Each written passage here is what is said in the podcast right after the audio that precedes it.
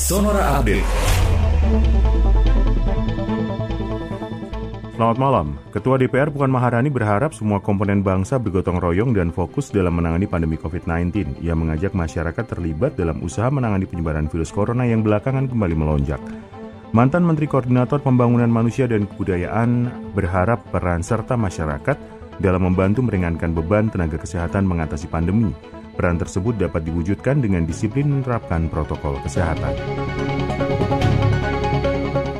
Pengamat transportasi dari Masyarakat Transportasi Indonesia MTI Joko Stiowarno menyesalkan rencana pembongkaran jalur sepeda permanen di Jalan Jenderal Sudirman MH Tamrin, Jakarta Pusat.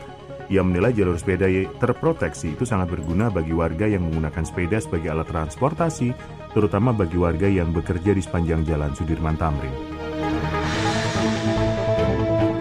Menteri Perindustrian Agus Gumiwang Kartasasmita mengatakan Kementerian Perindustrian akan terus mendorong industri mainan anak di tanah air agar semakin meningkatkan inovasi produknya sehingga mampu berdaya saing dengan produk impor. Apalagi Indonesia sebagai pasar yang besar menjadi peluang bagi pengembangan industri mainan anak. Menperin mengemukakan performa industri mainan anak nasional menunjukkan tren yang positif. Hal ini tercermin dari capaian nilai ekspornya yang kian meningkat selama tiga tahun terakhir.